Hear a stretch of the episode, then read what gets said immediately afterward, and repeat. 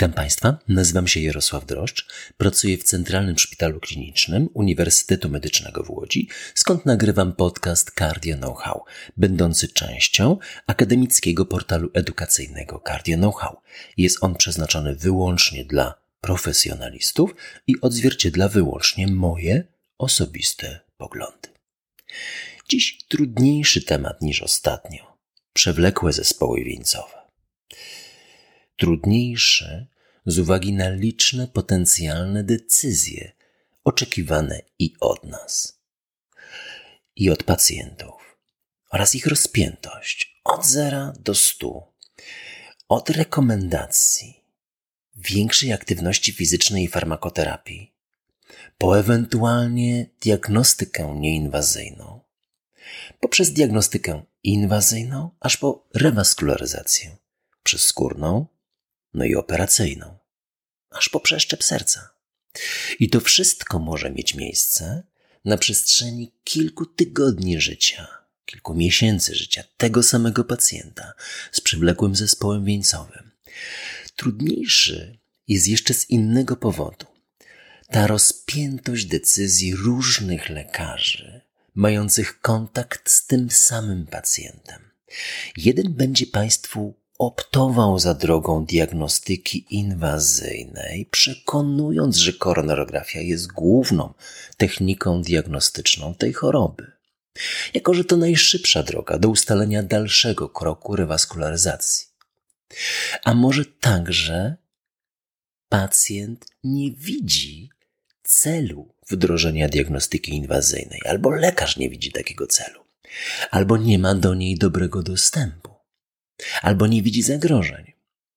No i jeszcze jeden aspekt ilustrujący trudności leczenia przewlekłych zespołów wieńcowych.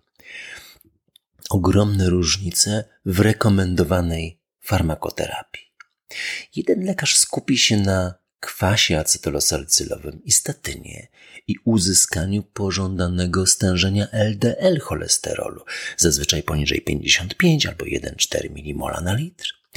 Inny widzi tu miejsce dla innych leków, działających na przykład objawowo albo niepotwierdzonych. Jeszcze inny skupi się wyłącznie na rewaskularyzacji, jako że przewlekły zespół wieńcowy to przecież zwężenie co najmniej jednej z tętnic.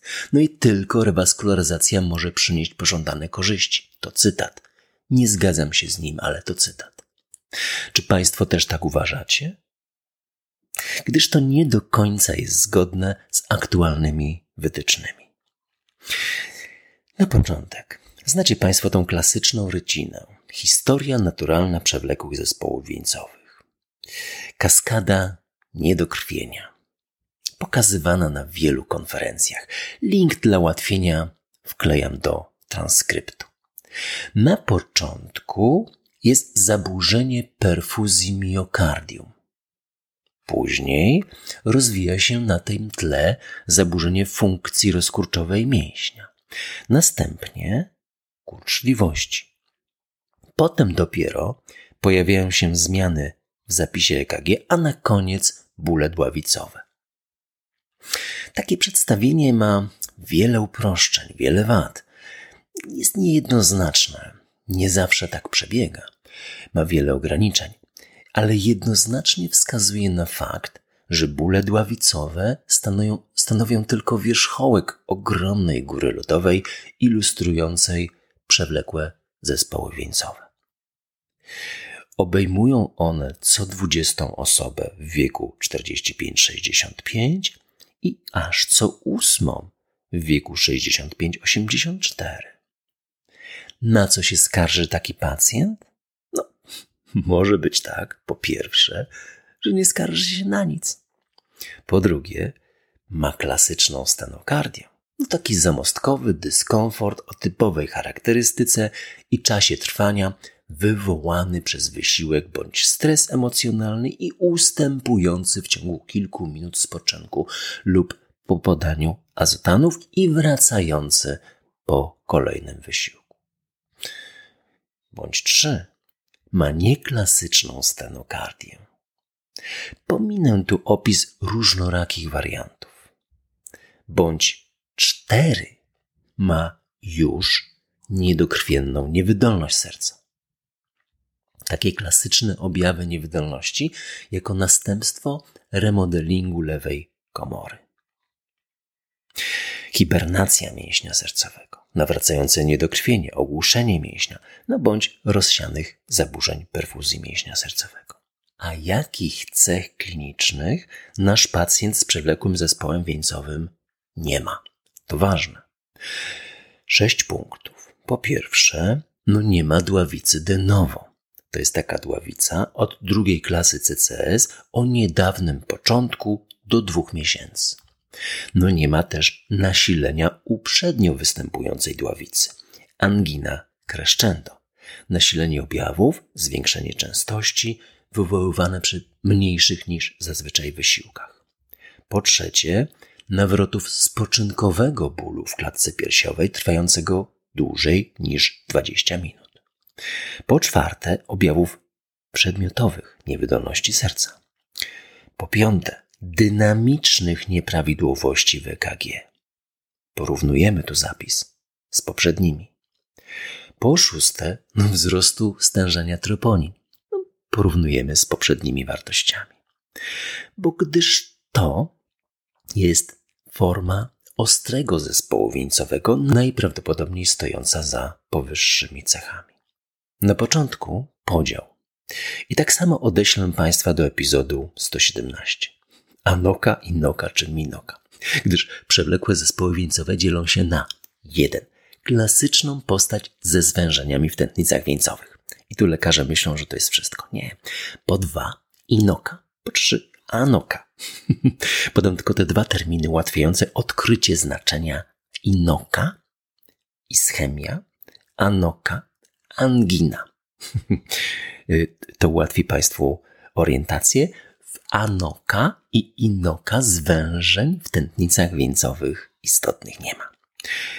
Minoka, bo to też termin chyba bardziej znany niż anoka i inoka, zapamiętaliście Państwo z poprzedniego epizodu, to zawał.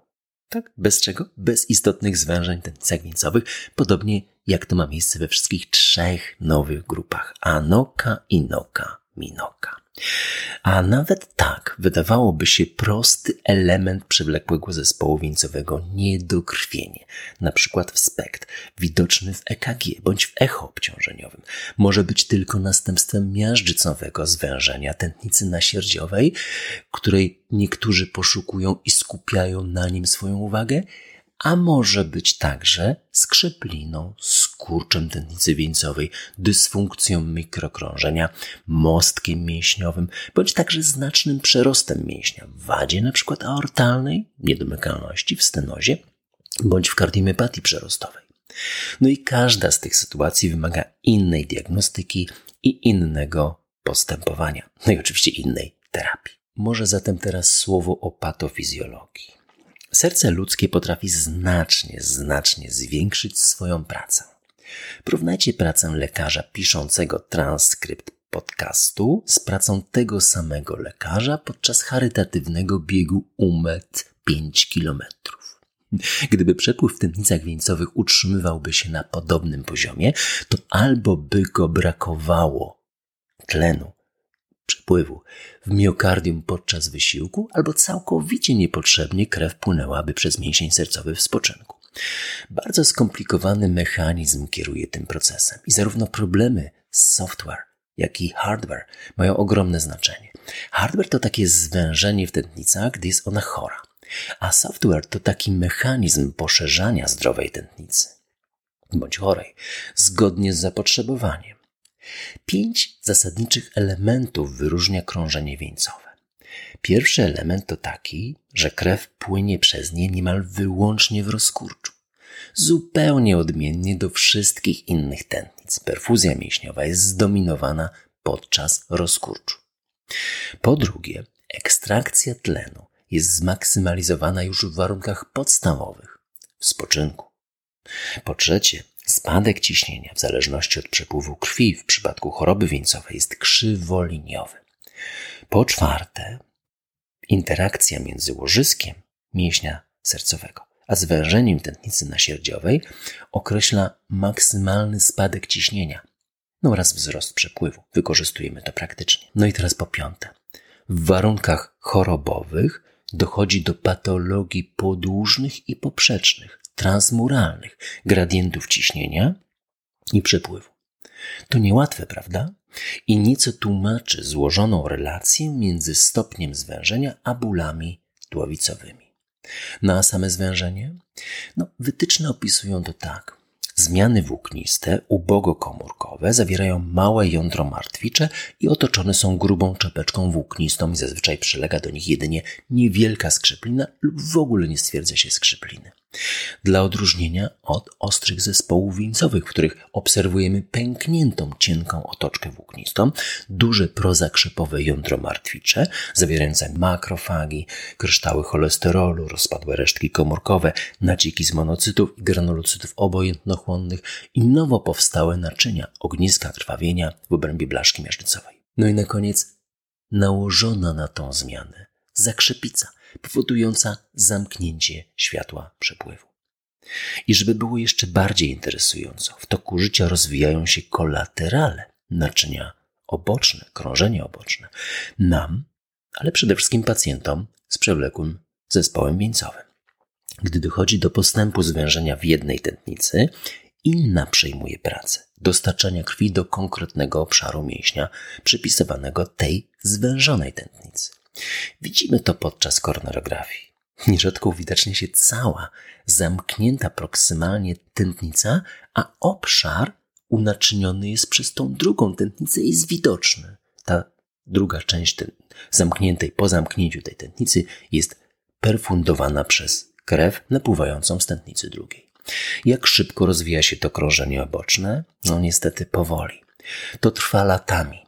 Mam pacjenta, który został wylosowany do grupy koronarografii w badaniu ischemia przed 15 laty, ale już na nią się nie zgodził.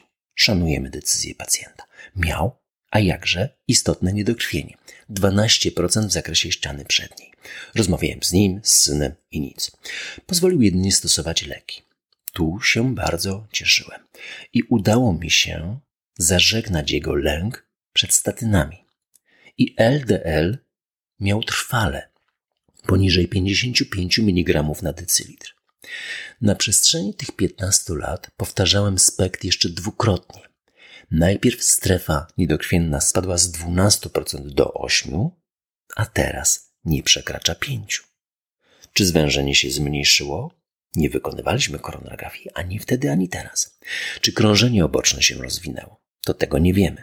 No ale pacjent ma się dobrze podobnie jak znaczna liczba pacjentów z ramienia zachowawczego tego badania.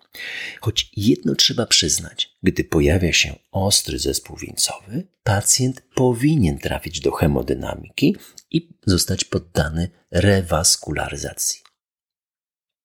I pacjenci z badania ischemii mają z nami kontakt i dzieje się to raczej szybko.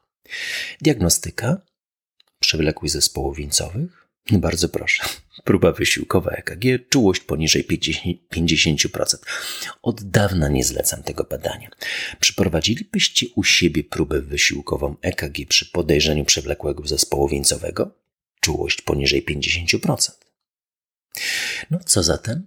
No, każda z wymienionych innych metod z czułością 80-90%.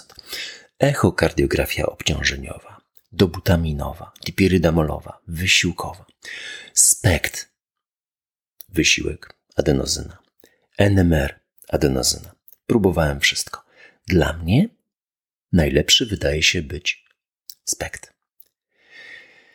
Ale znam kilka pracowni medycyny nuklearnej, które się absolutnie nie nadają do współpracy z nami. I znam jedną, która się nadaje, jest znakomita. Rozpoznajcie Państwo teren wokół Was i znajdziecie i dobre, i słabe ośrodki medycyny nuklearnej. Współpracujemy wyłącznie z tymi dobrymi. To poważny temat, poważne decyzje. Kiedy wykonuję diagnostykę niedokrwienia? No nie u wszystkich. Ostatnio wczytałem się w publikację, u kogo możemy nie przeprowadzać diagnostyki. Gdzie? No, Kilka tygodni temu ukazały się wytyczne amerykańskie. Nie zdążyłem ich jeszcze całkowicie przeczytać, ale jest taka lista sytuacji, kiedy możemy zatrzymać swój diagnostyczny entuzjazm i skupić się na terapii. Link jest w transkrypcie. A jako odpowiedź, u kogo wykonuję diagnostykę niedokrwienia, napisałbym no przed koronarografią, po analizie korzyści i ryzyka ewentualnej rewaskularyzacji, z ograniczeniem liczby badań tak, aby kolejka nadmiernie nie urosła. Długa kolejka nie rozwiązuje nam problemu diagnostycznego, odsuwa tylko go w przyszłość. Wytyczne wprawdzie mówią o zasadności koronarografii u chorych wysokiego ryzyka z wysokim prawdopodobieństwem występowania zwężeń. To prawda, ale to zawsze kwestia jest rozpoznania indywidualnego ryzyka, korzyści i ewentualnych powikłań rewaskularyzacji, jak i podwójnej terapii przeciwpłytkowej. Wyobraźmy sobie ryzyko życia pacjenta z przewlekłym zespołem wieńcowym na danej farmakoterapii. A teraz ryzyko związane z rewaskularyzacją. Które jest większe? Dla ostrych zespołów wieńcowych to pierwsze na farmakoterapii jest zdecydowanie większe niż to drugie. Związane z nagłym zatrzymaniem perfuzji mięśnia sercowego, no i zdecydowanie przeważają korzyści związane z rewaskularyzacją. Zachowawcze leczenie ostrych zespołów wieńcowych to margines naszego postępowania no i niemal wyłącznie u pacjentów z prawdziwą wielochorobowością. W przewlekłych zespołach wieńcowych już tak prosto nie jest. Niestety oba ryzyka życia ze zwężeniem i rewaskularyzacji są porównywalne, a grupa odnosząca korzyści z ograniczenia się do farmakoterapii jest spora. I tacy, u których rewaskularyzacja ma przewagę, również. Ale jest tu jeden ważny aspekt. Tak jak ryzyko rewaskularyzacji zostało już obniżone niemal perfekcyjnie, jest bliskie ideału, nie bliskie zero, ale ideału, bliskie najniższej osiąganej wartości, to obniżenie ryzyka życia z przewlekłym zespołem mięsowym na, niemal zawsze można dokonać za sprawą perfekcyjnej farmakoterapii w znacznym procencie. Perfekcyjna farmakoterapia i metody niefarmakologiczne. Przede wszystkim statyny, ezetymib, często w połączeniu, jeśli daje to zazwyczaj w połączeniu. Czasem PCSK9, przeciwciała bądź siRNA, alirocumab bądź siRNA, mówiliśmy o tym. Stosowana aktywność fizyczna, dieta, leczenie innych schorzeń. Aktywność fizyczna. No a jakie jest to ryzyko u pacjentów z przylekłym zespołem mięsowym? Bo zazwyczaj Państwo wiecie, podejrzewacie, że ono jest wysokie. No zgon to 1,2 do 2,4% rocznie. W porównaniu do innych schorzeń kardiologicznych to niewiele. Przejście w ostry zespół wieńcowy to ledwo 0,6 do 2,7% rocznie. Powstanie niewydolności serca 3% rocznie. To dużo? Naprawdę mało. W porównaniu do innych rzeczy, z którymi mamy do czynienia, to mało. W epizodzie 121 mówiliśmy o nowej definicji zaostrzenia niewydolności serca i tam wspominaliśmy o ryzyku zgonu. Jest 10-20 razy wyższe. A w przewlekłych zespołach wieńcowych 10-20 razy niższe. No i możemy z dużym prawdopodobieństwem zidentyfikować podgrupę niskiego ryzyka. Bo wytyczne mówią, że jeżeli jest CCS1, wydolność fizyczna większa od 5 mec, takie wchodzenie pewnie drugie piętro to jest mniej więcej, frakcja wyrzutowa powyżej 50, indukowane zaburzenia perfuzji mniejsze niż 10%, czy stenoza wieńcowa w koronografii poniżej 70% bądź równe 70%, 50% bądź FFR 80%, to ryzyko nie jest duże. To są osoby podgrupy niskiego ryzyka. No i podsumuję. Sześć punktów. Po pierwsze, przewlekłe zespoły wieńcowe stanowią bardzo duży problem kliniczny. Po drugie, współczesne leczenie farmakologiczne przewlekłych zespołów wieńcowych jest bardzo skuteczne. Musi być dobre, musi być perfekcyjne, ale jest bardzo skuteczne. Po trzecie, ryzyko powikłań jest niskie, niezależnie od przyjętej strategii zachowawczej bądź inwazyjnej. Po czwarte, kluczowe znaczenie ma ilościowa ocena niedokrwienia w SPECT na przykład i wstępna obrazowa ocena nieinwazyjna ANGCT. Po piąte, zdecydowana większość pacjentów nie ma istotnego niedokrwienia ani istotnych zwężeń w badaniach nieinwazyjnych i przez to nie ma wskazań do rewaskularyzacji. I po szóste, nie wszyscy pacjenci, nawet z udokumentowanym niedokrwieniem i obecnością zwężeń w angioCT, no może poza pniem, muszą być poddani rewaskularyzacji. Hmm, zaczyna się SC. Także w tym tygodniu zaczynamy super pracę. Arcyciekawe badania. Nie będę się wymądrzał, jakie będą wyniki, bo ich nie znam, ale nawet gdybym szacował, to i tak prawdopodobnie trafię w 50%, bo zawsze mnie te wyniki zaskakują. To będzie 5, 6, może 7 epizodów kolejnych poświęconych ESC i największemu kongresowi kardiologicznemu na świecie. Lektura, a jakże, taka wakacyjna, nie w humorze. Fran Lebowic. Felietony, które stworzyły współczesny Nowy Jork. Wydawnictwo Znak Literanowa Kraków 21. Tłumaczył, przełożył Łukasz Witczak. To zbiór krótkich form, felietonów, pisanych do czasopism. Naliczyłem ich 59 w ośmiu działach.